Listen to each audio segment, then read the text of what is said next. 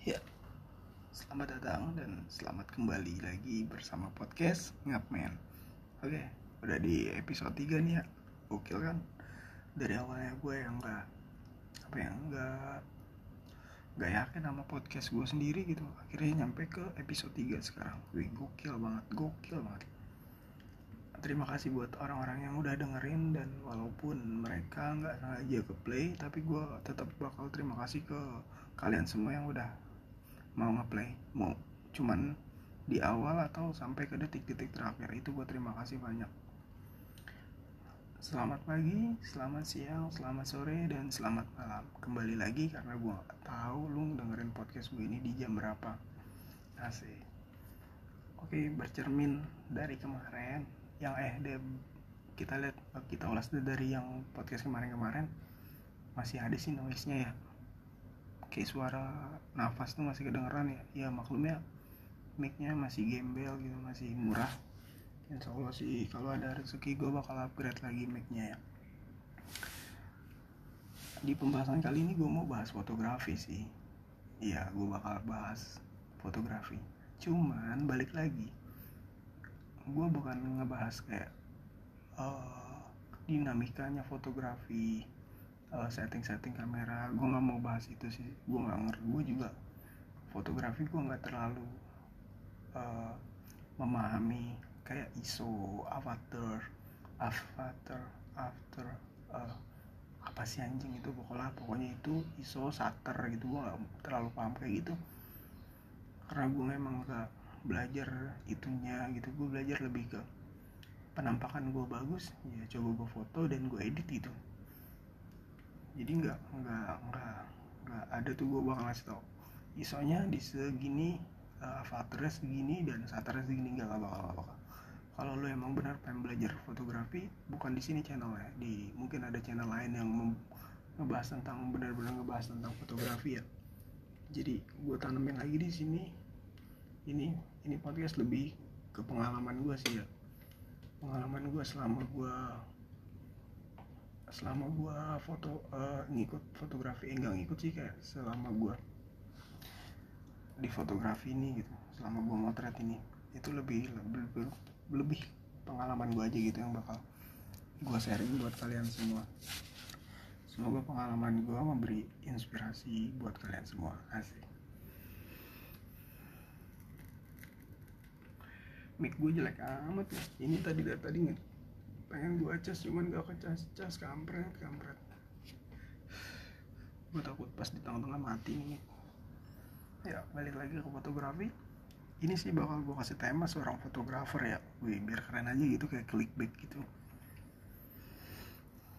Jujur pertama kali gue suka fotografi itu di SMP jadi ada bang-abangan gue gitu dia punya kamera dan dia ngajarin gue pertama kali kamera yang gue pegang itu kamera N. Gue nggak tahu tuh tipenya berapa gue lupa.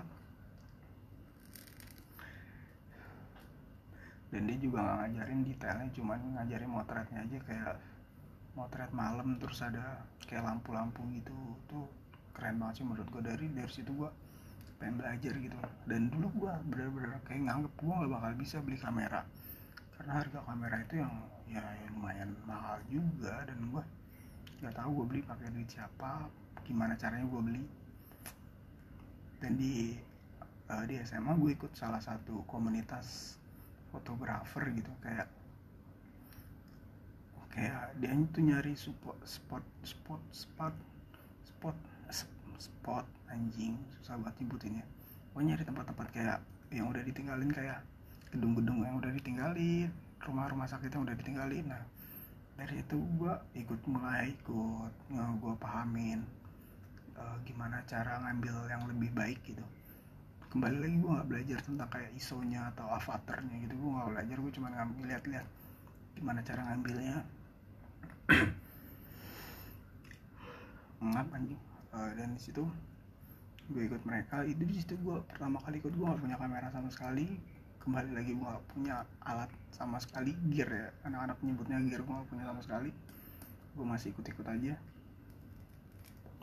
baru setelah gue lulus dan gue kerja gue punya. Gue ingat banget pertama kali gue punya kamera itu gue punya kamera Asian Cam waktu itu yang harganya masih 600 ribuan lah. Gue punya itu dan dari situ gue belajar cara motret dengan lensa wide. Karena kalau Asian Cam itu kebanyakan yang uh, cuman nge-wide nge-wide gitu ya dan tahan air aja gitu. Dari situ gue punya berapa bulan lagi akhirnya gue punya kem, uh, akhirnya gue punya dan akhirnya gue beli kamera DSLR pertama kali gue itu merek C. Tipenya 1200D nah gue punya itu tuh. Kenapa gue beli itu? Karena uh, pengaturannya lebih gampang daripada yang N. Menurut gue yang C itu lebih gampang sih. Nggak tahu kenapa karena kalau yang N itu lebih ke profesional aja sih. Lebih kayak buat nyari duit buat wedding tuh. Kalau yang N tuh kayaknya lebih ke situ deh. Kalau yang C ini kayak lebih ke pemula gitu. Gue punya itu dulu. Dan gue udah senang banget sih. Akhirnya itu gue pakai buat ke mana-mana itu buat gue pakai buat foto apa pun yang ada di depan gue gitu. Beranjak dari situ berapa bulan kemudian gue dapat rezeki lagi dan gue beli kamera yang sama. Eh merek yang sama tipe yang beda. Jadi habis gue beli DSLR gue beli mirrorless. Kenapa mirrorless? Karena gue butuh kamera buat ngerekam doang gitu bukan buat foto. Karena menurut gue kalau pakai mirrorless tuh video lebih lebih fokus aja gitu lebih baik aja gitu. Kayak soundnya soundnya gak usah pakai eksternal internalnya udah bagus jadi gue perlu ngeluarin duit buat beli mic mic gitu lah. Jadi gue pakai yang M buat video dan yang DSLR nya yang C 1200 buat foto. Oke pas dari pengalamannya ya dari pertama kali gue punya kamera gue suka motret dan akhirnya gue ketemu salah satu band. Sebenarnya gue udah ketemu ini udah band dari lama sih. Tapi akhirnya dia nemuin gue kalau gue itu suka fotografi dan mereka si band ini mereka ngundang gue buat jadi dokumen sesi dokumentasinya dan gue yain dong waktu itu. Uh, salah satu band itu namanya Mata Panda. Nah banyak perjalanan gue banyak sejarah gue sama di mereka mereka lah.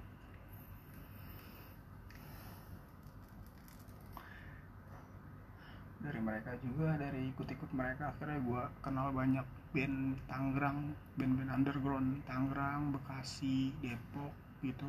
Luar-luar kota dari mereka sih dari ikut-ikut mereka tuh gue kenal mereka tuh dari si band Mata Panda ini. Buat kalian yang mau dengerin band Mata Panda kalian bisa search aja di YouTube uh, Mata Panda official dan kalian dengerin lagunya. Menurut gue sih asik-asik sih soalnya gue emang aliran musik gue rada keras gitu dan mereka popang. Enak banget lagunya. Perjalanan gue sama dia panjang mata mama si mata Panda ini sampai waktu itu gue pernah tur ke beberapa kota gitu sama dia ke kota pulau pulau Jawa lah pulau Jawa gitu.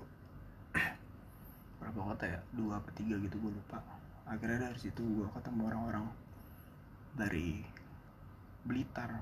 Ya band-band Blitar gitu. Gue jadi gue sampai ke Blitar tuh waktu itu tour tour mereka. Tour album kalau salah gue lupa. Tour album sampai ke sana.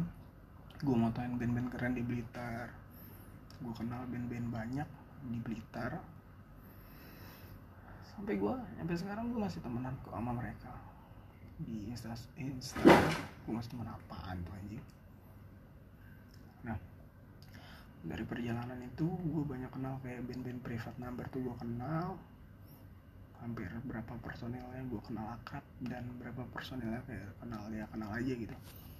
Dan dari band itu dari gue ngikut band itu gue punya julukan eh bukan julukan sih kayak nama panggung itu kayak kayak kalau tiap ketemu sama mereka gue perlu dipanggilnya bukan Fajar biasa gitu kayak menjelang Fajar ya nama IG gue balik lagi ke nama IG nama IG gue itu menjelang Fajar karena ya orang kenalnya itu dan nama panggung gue itu. Keren banget ya yang bukan siapa-siapa udah punya nama panggung gue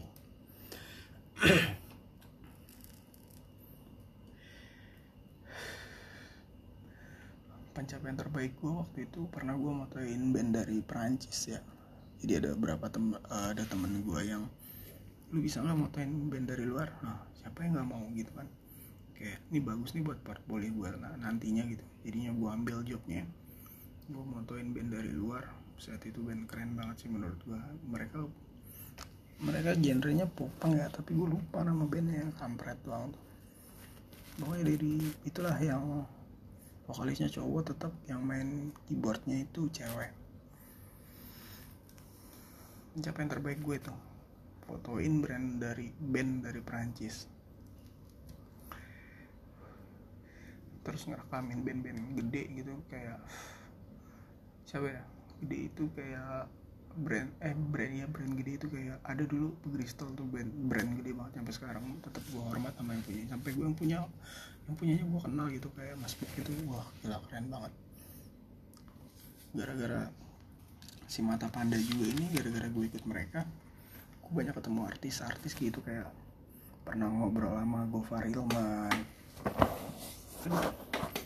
gue pernah uh, ketemu sama David Naif waktu itu event di Bogor jadi bintang tamunya itu Naif dan satu panggung sama Mata Panda ya. Jadi abis Mata Panda ada band lain baru si Naif uh, si Naif ini. Akhirnya gue ketemu Bang Naif eh Bang Naif. Bang David Naif nah ketemu dia ketemu Gofar. Pernah juga saya sering banget ketemu di panggung itu kayak Bang Sansan ketemu Piwi Gaskin. Ya gue ketemu artis-artis dari mata panda gitu.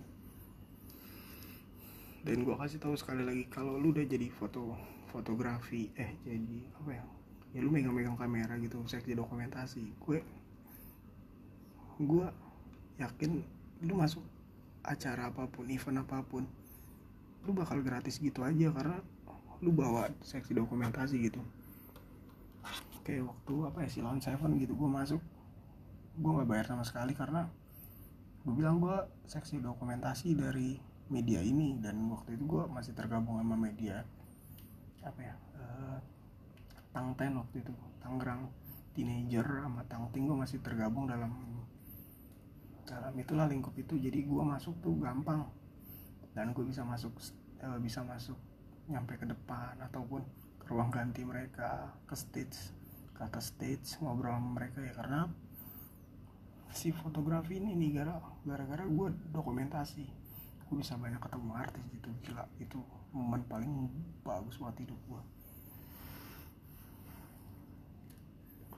ada beberapa beberapa artis yang benar-benar gue fotoin karena gue pengen banget ketemu mereka. Jadi gue harus relain datang pagi datang lebih awal buat nyari stage ya buat masuk ke stage itu dan ngomong sama panitianya kalau gue seksi dokumentasi gitu. Kayak kayak gue motoin Enda Endresa waktu itu. Kayak gue motoin Danila Riyadi waktu itu. Itu ya gue datang bawa kamera lengkap gue bilang gue seksi dokumentasi akhirnya dibolehin masuk dan gue bebas gitu ke mana pun areanya gue bebas.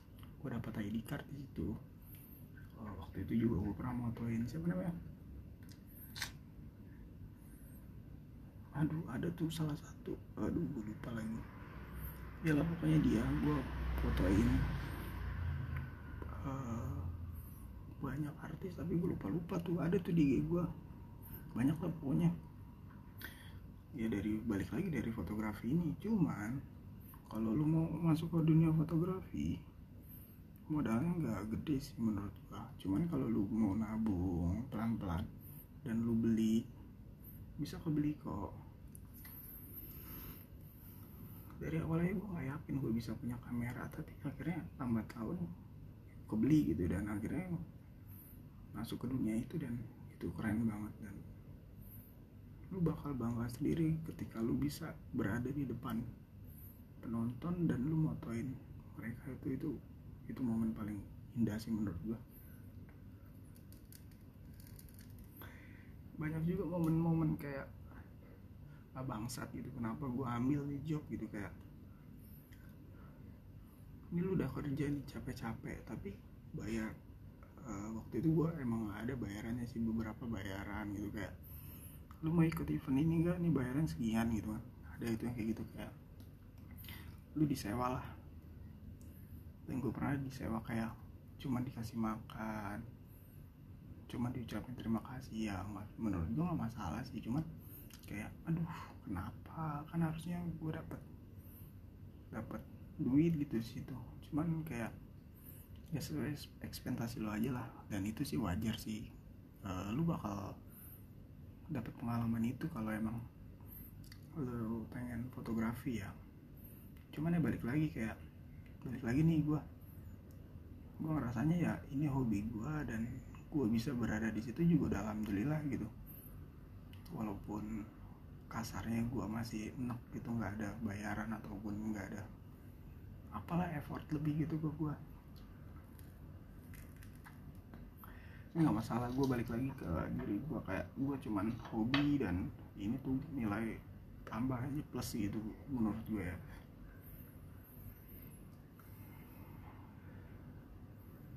Dan balik lagi ngerawat kamera itu rada-rada susah-susah gampang ya. Lu harus punya alat-alatnya kayak penyemprot debu tuh lu harus punya tuh harus punya banget. Uh, lap-lapnya harus ada punya uh, biar nggak jamuran tuh kamera. Satu hal yang gua kasih tahu kalau ya kalau lu punya kamera ya jangan pinjemin ke asal-asalan orang. Dan itu gua lakuin banget. Dan karena lu belinya aja nggak murah tapi habis itu lu pinjemin ke orang tuh kayak kayak gimana? Di hati gue kayak gak enak aja gitu di hati walau bukannya pelit ya. Kalau misalkan masalah duit sih ya ayo aja. Cuman kalau kalau masalah barang-barang pribadi kayak kamera itu kayak gak usah deh gitu. Mendingan kalau emang lu pengen lu beli atau lu punya nyewa gitu. Gak usah punya gue gitu kayak ada rasanya aja kalau dipinjam orang. Apalagi kalau misalkan dia pinjamnya jorok gitu kan. Misalkan kayak ada berapa partnya yang lecet itu kayaknya sedih aja gitu mau marah gak bisa karena dipinjem sama teman sendiri gitu. Ya gue ngantisipasinya itu yang gak gue pinjemin. Kayak misalkan dia pinjem nih gue bilang aja kameranya ada di teman gue atau di mana. Balik lagi kayak bukan gue pelit ataupun apa ya. Nggak bisa aja gitu kalau bar kalau kamera yang dipinjemin tuh gak bisa. Gue gue sedih aja gitu. Kan banyak tuh yang dia pinjem akhirnya lecet tapi kita nggak bisa ngapa-ngapain. Kita minta ganti juga nggak enak gitu kan ya daripada kayak gitu ya mendingan kita hindarin kayak nggak usah dipinjemin aja gitu kayak bohong. Ya bohong sih sebenarnya jatuhnya cuman ya gimana ya menurut gue kamera itu barang yang nggak nggak pantas dipinjem gitu. Sama kayak halnya HP gitu dipinjem tuh kayaknya privasi aja nggak baik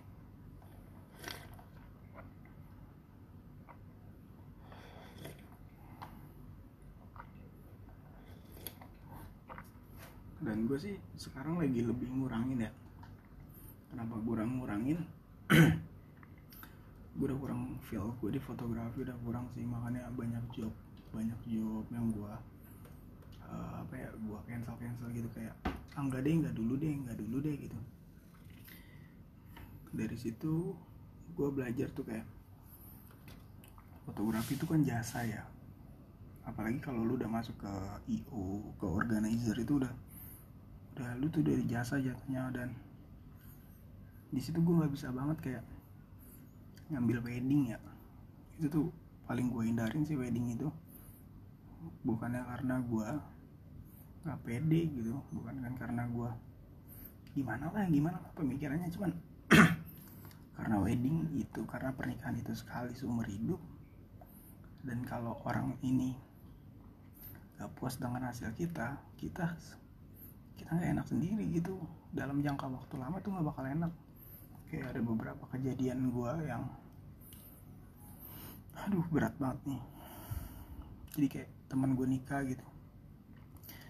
Uh, sebenarnya sih bukan gue yang ngambil gitu. Jadi teman gue gue lempar ke teman gue terus kerjanya teman gue ini nggak nggak full service gitu nggak baik. Dan dia ngeluhnya. Dan teman gue ini ngeluhnya kayak lu tahu kan nikah itu sekali dan momennya itu nggak dapet fotonya itu nggak bagus dan segala macem. Nah di situ kayak kayak down aja gitu kayak aduh kalau gue yang ngambil gue nih ngerasa nggak enak banget nih. Nah untungnya di situ bukan gue yang ngambil makanya gue rada-rada bebas lah gitu kayak aduh untung bukan gue yang ngambil bukan gue yang ngambil gitu.